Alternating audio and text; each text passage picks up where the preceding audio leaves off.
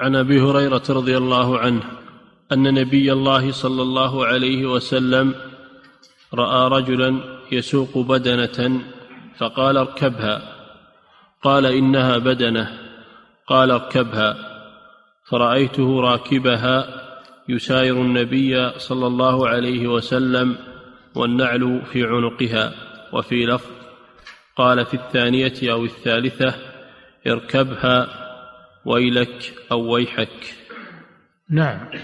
هذا فيه دليل على أن الهدي يركب. لا بأس أن ينتفع به. لا بأس أن ينتفع به. انتفاعا لا يضره. له أن يركبه. لأن النبي صلى الله عليه وسلم أمر هذا الرجل أن يركب الناقة. قال إنها بدنة يعني هدي. بدنة يعني هدي. قال اركبها قال إنها بدنة. قال اركبها قال إنها بدنة. يتأكد من الرسول صلى الله عليه وسلم. قال اركبها ويلك. وفي رواية ويحك. هذا من باب الزجر له.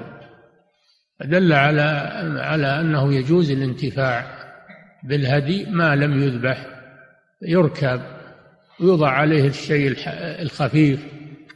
يحمل عليه الشيء الخفيف الذي لا يضره. نعم.